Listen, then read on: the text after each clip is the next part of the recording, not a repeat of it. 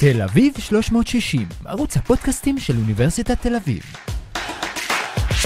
שלום לכולם, אה, אנחנו שמחים שאתם איתנו כאן אה, בעוד פרק בפודקאסט אה, תל אביב 360, לי קוראים מיכאל מירו, והפעם נעסוק באחד הנושאים שאני מוכרח להודות, נמצאת איתי כאן הפרופסור דפנה האקר, תופעה שהיא מרגיזה, מאכזבת, גם אותי באופן אישי, אבל צריכה לאכזב עוד רבים אחרים, שאנחנו עוסקים בזה עדיין ב-2022.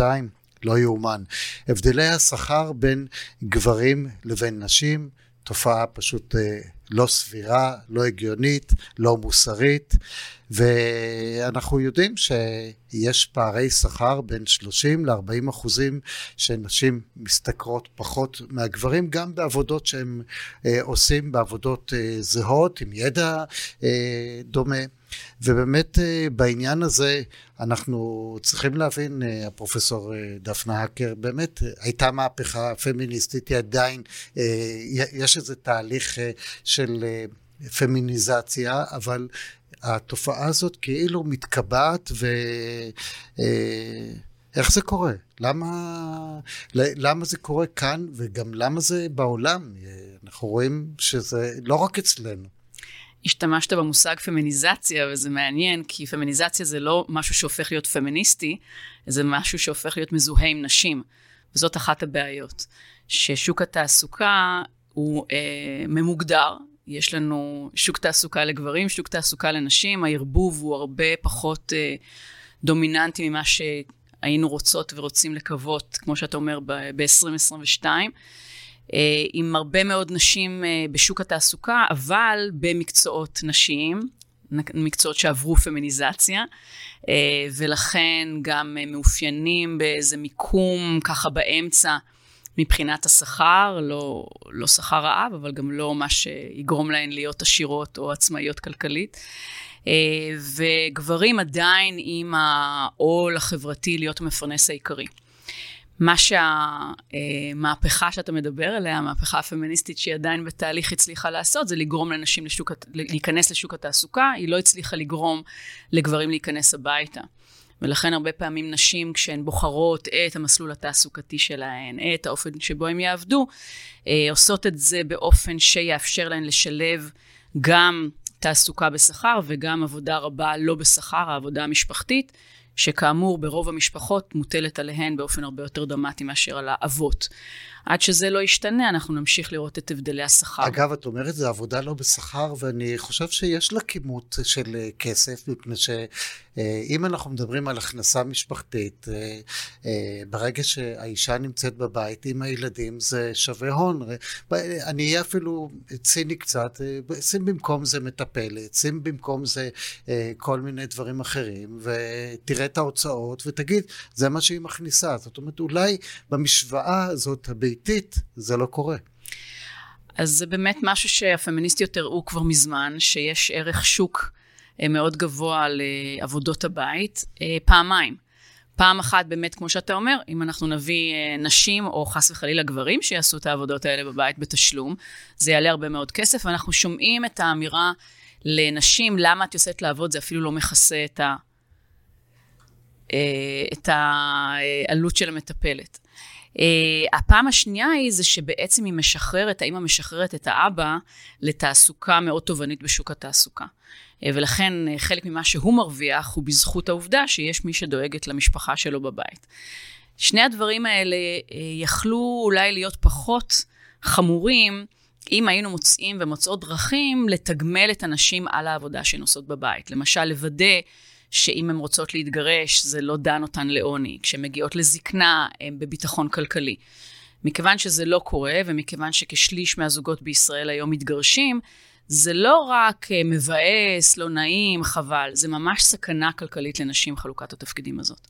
כן, כי את אה, מעלה פה את הסוגיה באמת של זוגיות שברירית, בואו נקרא לזה ככה, אה, וזה דבר שבאמת מחייב שינוי דיסקט, שינוי משמעותי, וגם אה, ניקח את עולם ההשכלה, יותר ויותר נשים לומדות ומתקדמות ומוכיחות את הידע, והנה, דוגמה שלך, את אקדמאית, פרופסורית באוניברסיטה, אז זה לא רק נחלה של הגברים, אז בכל אופן, למה המקביל שלך מקבל יותר?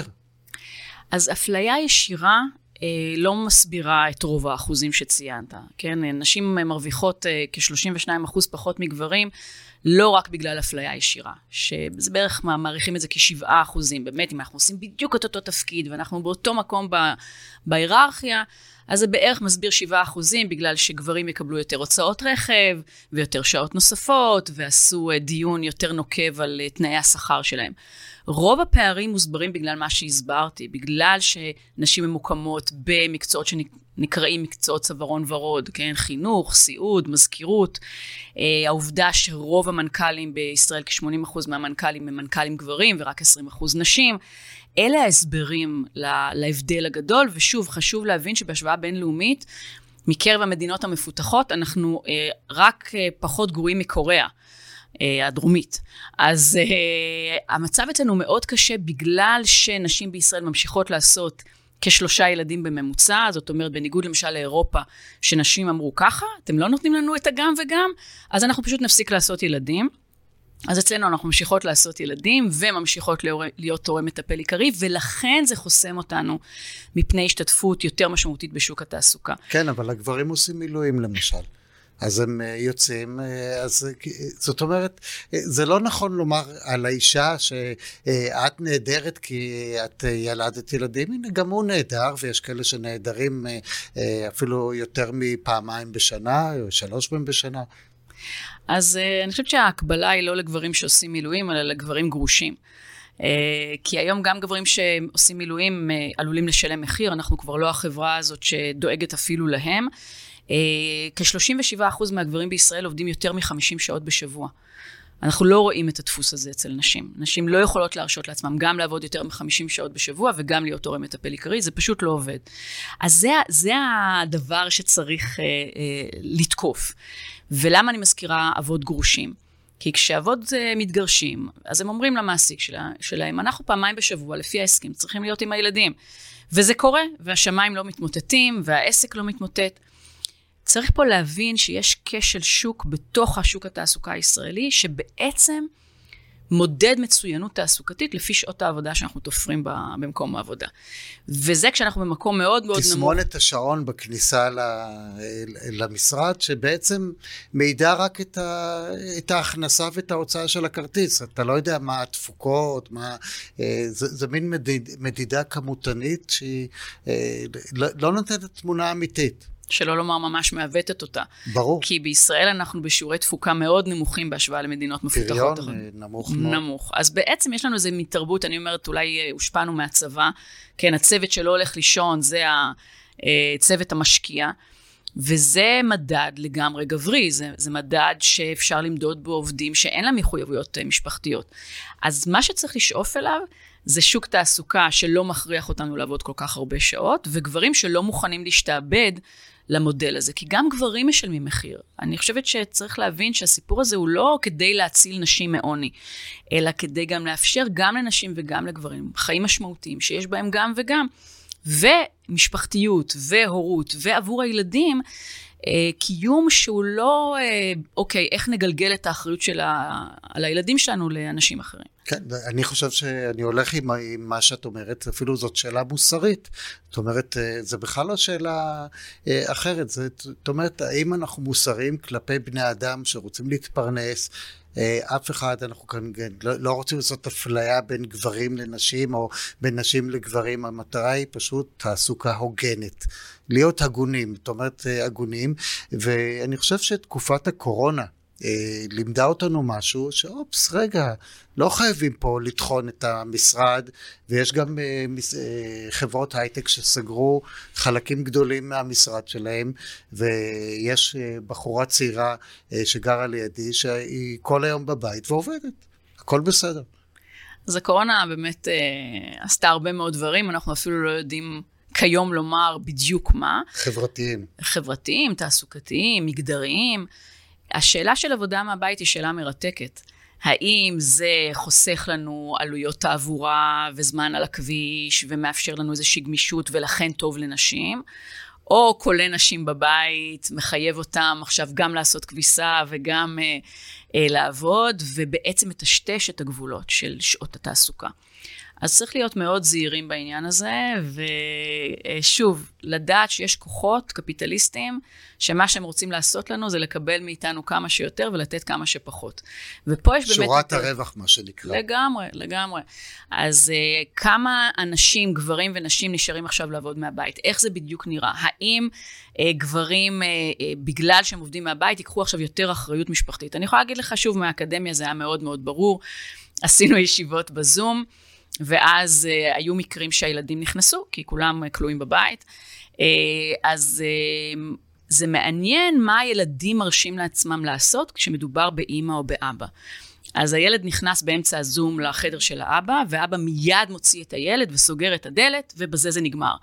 כשהאימא, אה, ופשוט ראינו את זה שוב ושוב, זה היה ממש מצחיק אה, ועצוב. וואו, זה, זה נושא הילד, למחקר, מה שאת אומרת. הילד נכנס שוב ושוב. זאת אומרת, זה שהאימא אומרת, עכשיו אני סוגרת את הדלת, כן?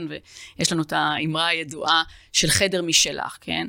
האמא אומרת, זה החדר, אני עכשיו עובדת, הדלת עכשיו סגורה, אף אחד לא מפריע לי. והילדים לא רגילים לסוג כזה של גבולות. האמא אמורה להיות נגישה תמיד, והם פשוט נכנסים שוב ושוב, ואי אפשר לקיים את הישיבה. אז זה רק אנקדוטה כדי לומר שגם עבודה מהבית היא ממוגדרת ולא נראית אותו דבר לגברים ולנשים. זה מעניין, נקודת המבט שלך היא מאוד מעניינת, וגם העניין הזה, צריך גם להגיד לילדים, גם לכם, גם אתם תרצו בעתיד חדר משלכם. תחשבו על זה, זה לא סתם נכתב הספר הזה.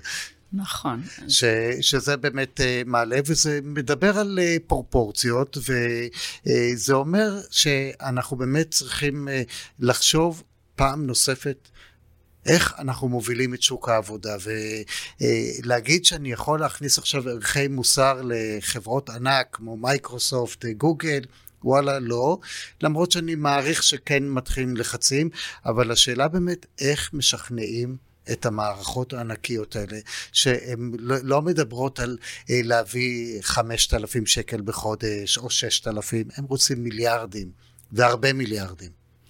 תיאבון ענק יש, בלתי נכון, סופי. נכון, נכון. אנחנו כן אבל אה, מתחילים לראות שינויים, גם בשוק הפרטי, ופתאום אנחנו מתחילים להבין שזה לא רק הממשלה ועמותות, אלא השוק החופשי יש לו היום המון כוח, ולכן גם הרבה מאוד פוטנציאל לשינוי. והחברות האלה, יש להן, אה, אמרת שורת הרווח, הן פתאום מתחילות להבין, ויש לנו עכשיו יותר ויותר מחקרים על זה, שאם אנחנו לא, כחברה גדולה, לא נותנים מענה לרצונות, לצרכים, לשאיפות המשפחתיות והאחרות, כן, החופש והזכות לפנאי זה לא רק סביב עניינים משפחתיים. גם אדם שאין לו ילדים ורוצה לפתח איזשהו תחום אחר, אה, ורוצה לנוח ורוצה לבלות עם חברים, יש לו זכות לא להיות משועבד לשוק תעסוקה שמצפה ממנו לזמינות 24/7. והחברות מתחילות להבין את זה, זה דבר אחד. דבר שני, אה, סביב הסיפור המגדרי, אם אתה לא בונה ככה את החברה שלך, אתה פשוט לא תקבל את האנשים הכי מוכשרים, כי נשים מאוד מוכשרות לא יגיעו אליך. אה, ודבר שלישי זה באמת התחרות. זאת אומרת, ברגע שיש חברה שמציעה תנאים, למשל אה, חופשת לידה יותר נדיבה, אז אתה בתוך שוק תחרותי. אז מכל הסיבות האלה, שפשוט מראים ששורת הרווח גדלה כשיש יותר נשים במקום העבודה, שמגיעות לעמדות יותר בכירות, אה, התחרות הפנימית, כל הדברים האלה מובילות, אה, מובילים לניסיון של חבר, חברות לשנות את התרבות הארגונית בתוכן. להיות יותר ערות לעובדה שהעובדים והעבודות שלהם יצורים אנושיים, אמרת אנושיות, הם לא רק אה, רובוטים במקום עבודה.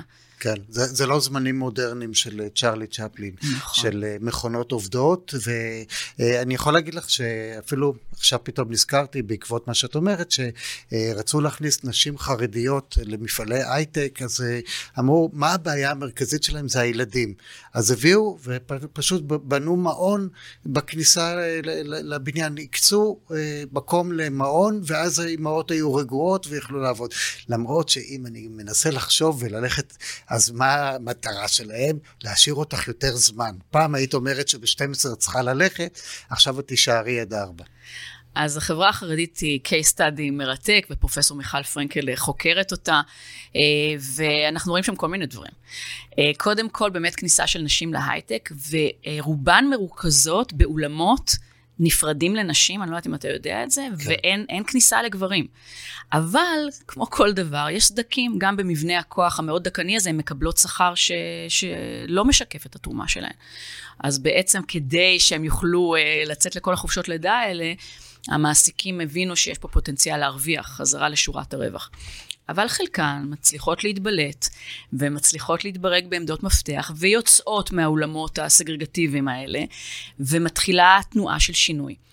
אה, וזה גם גורם לשינוי של האבהות החרדית. ויש יותר ויותר ראשי ישיבות שמאפשרים היום לאברכים לצאת בצהריים ולטפל בילדים. אז אה, דווקא החברה החרדית מראה לנו שזה לא, באופן פרדוקסלי, כן? זה לא בגלל שאת זכר או נקבה, זה בגלל מה שהחברה מאפשרת או לא מאפשרת לך לעשות. זה מין מהפכה שקטה כזאת, זה דבר שאפילו, אה, אני ראיתי את זה, נוכחתי בשיחות כאלה, שבעצם האישה אומרת, אני מביאה את הכסף, תזיז את עצמך. אז פה הרבנים והמנהיגים החרדיים אה, לא מטומטמים, והם מבינים שיש... אה, אחרת הם יפסידו אותם גם מעולם הישיבות. מה, ש, מה שביניהם גם אה, ממש נתפס כסכנה. אני חושבת שאי אפשר להבין היום את ה-Backlash, את תגובת הנגב, הנגד של הדרה והפרדה מגדרית. שמחלחלת מהחברה החרדית, מבתי הכנסת למרחבים ציבוריים, בלי להבין את החרדות האלה. הם פשוט מבינים. חרדים. הם חרדים עכשיו מבחינה מגדרית יותר, ולכן מגיבים מאוד חזק. והעובדה שיש היום אה, אה, יחידות בצבא סטריליות מנשים, ומסלולי לימודים בהפרדה, אה, ו... אפילו אקדמיים, אנחנו מדברים... גם אקדמיה, על... אוטובוסים, לוויות, כל, רחובות, זה הניסיון שלהם, למרות השינויים האלה, למרות שנשים הופכות להיות אה, אה, באמת חזקות, מרשימות, משתלבות, להחזיר, כל הזמן לסמן שבעצם כבודה של בת מלך פנימה. כן, למרות שאם אתה הולך לברוקלין, אז העולם קצת משתנה, זה לא נראה בדיוק כמו שפה, אבל אה, זה נושא אחר. אז אם אני אומר, ואני כן נגעתי בנקודה שלך כפרופסורית באוניברסיטה. פרופסורה, אם אה, אנחנו כבר בענייני הטעיה. וואי, כן. כי פרופסורית זה כמו כפית, ארונית, אה, אה, אנחנו, לא בהקטנות פה, כן. ולכן ביררתי, מותר לומר פרופסורה. פרופסורה? אז אם אתה כבר בעניין. אה, כי פרופסור זה כאילו רק ל... בדיוק, כן. אז אני פרופסורה דפנה האקר. כן, פרופסורה. זה נשמע כמו איזה איטלקית כזאת. זה בהחלט. זה, זה יופי. היה לי חשוב לסמן את העילית. זאת אומרת שהנה, יש מישהי מאוד משכילה, מאוד יודעת, מפרסמת המון מאמרים, והיא והמקביל שלה בפערי שכר. למה אני אומר את זה? כי אנחנו רוצים ליצור איזו תקווה. יש אה, בסולם, אנשים אומרים, רגע, אז למה שאני אלך ללמוד? למה שאני אהיה כמו הפרופסור אה, דפנה האקר? למה שאני לא אהיה מישהי אחרת, ואז יהיה לי אה, חיים אחרים? אם אני לא יודעת שיש לי עתיד. אז אני חושבת שיותר ויותר נשים מבינות שיש עתיד ובאמת משתלבות וכבר לא מוכנות אה, לסגרגציה הזאת ומחפשות בני זוג שמבינים שהם צריכים להיות הורים פעילים אם מחליטים לעשות ילדים ביחד. כן, סוג של גבריות חדשה, זאת אומרת נכון. תבין את התפקיד שלך שאנחנו שותפים. אנחנו שותפים. המילה, מילת המפתח היא שותפות. ולמרבה הצער, אין מספיק גברים כאלה. ויש מחקרים מעניינים שמראים שאין בכלל את המשא ומתן, זה, זה כאילו קורה מעצמו. ואז באות אליי נשים מאוד מוכשרות ומאוד משכילות, ואומרות, לא, לא, לא, לא ברור איך הגענו למצב הזה, שאפילו אנחנו, הפמיניסטיות והמשכילות והמוכשרות, אה, מוצאות את עצמנו עם אחריות אה, משפחתית יותר גדולה.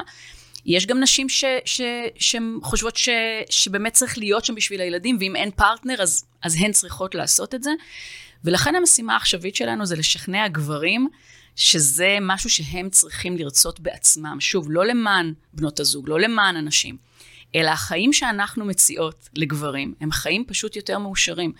אה, עם פחות סטרס, עם פחות שיעורי התאבדות. אתה יודע שגברים מתאבדים יותר מנשים. כן. אה, עם אה, חיים שהם גם וגם, חיים הוליסטיים. שמאפשרים לנו קיום שלם, גם בשוק התעסוקה בשכר וגם במרחבים אחרים. מה שאת אומרת, לא יקרה שום דבר לגבר שהוא ייקח את הילד, את הילדים לגן, לגן השעשועים, וישחק איתם, ובינתיים בת הזוג שלו תוכל לעבוד, ואחר כך הוא יעבוד. עושים חלוקה, זאת אומרת, אה, לא צריך לעשות הסכמים מורכבים, זה פשוט אה, להפעיל טוב יותר את המערכת המשפחתית. אני חושבת שזה ממש הגנה מפני גירושים.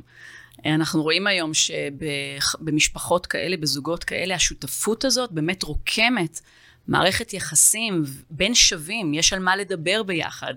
אין תחושה של דיכוי, אין, אין, אין מרמור על ניצול.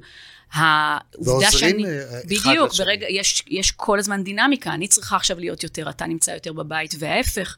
זה מאפשר אה, קיום עם האתגרים החברתיים, התעסוקתיים הלא פשוטים של כולנו לאורך שנים. אנחנו צריכים היום להחזיק זוגיות הרבה מאוד שנים, ולכן השותפות אמת הזאת בעיניי היא מפתח באמת לקיום גם אינדיבידואלי, אבל גם משפחתי כן. יותר עמוק ויותר גם טוב. לחשוב איזה עולם אנחנו נותנים לילדים שלנו. זאת אומרת, אה, אם העולם הוא שאימא ואבא מתנהגים בשוויון, זאת אומרת שמכבדים אחד את השני, זה מה שאנחנו לומדים, זה מה שאנחנו גם נעשה לילדים שלנו. אם אנחנו רוצים עולם שוויוני יותר, זה דרך החינוך וזה מתחיל מהבית. ולכן אבות צריכים לחשוב על הבנות שלהם. מה הם מאחלים לבנות. וברגע שהבנות יראו שהאבא הוא אב פעיל ו- ומעורב, זה גם מה שהם ירצו ויאכלו לעצמן. אה, כבני זוג. אז כן, זה גם העברה בין דורית של המסר הזה. כן, וגם הנשים צריכות לדעת לעמוד על שלהן. אני חושב שלתת להם את הכוח, להגיד גם אם הוא אמר שהעבודה שלו חשובה יותר, יש איזה סיפור ככה מעולם החינוך, סתם ככה בקיצור, שזה עולה לי, על אה, מורה שבאה אה, אה, למנהלת, אומרת, אני לא יכולה לבוא לבית הספר כי הילד שלי חולה. אז היא אומרת, מה עם הבן זוג שלך, הוא לא? את... היחידה שיכולה לתת את הדבר הזה, ואני חושב שזו אמירה מאוד חשובה, זה סיפור אמיתי שקרה, פשוט אה, אני חושב שפקח לה את העיניים לאותה מורה. אז זה הסיבה שאנחנו צריכים ללמד מגדר מגיל הגן.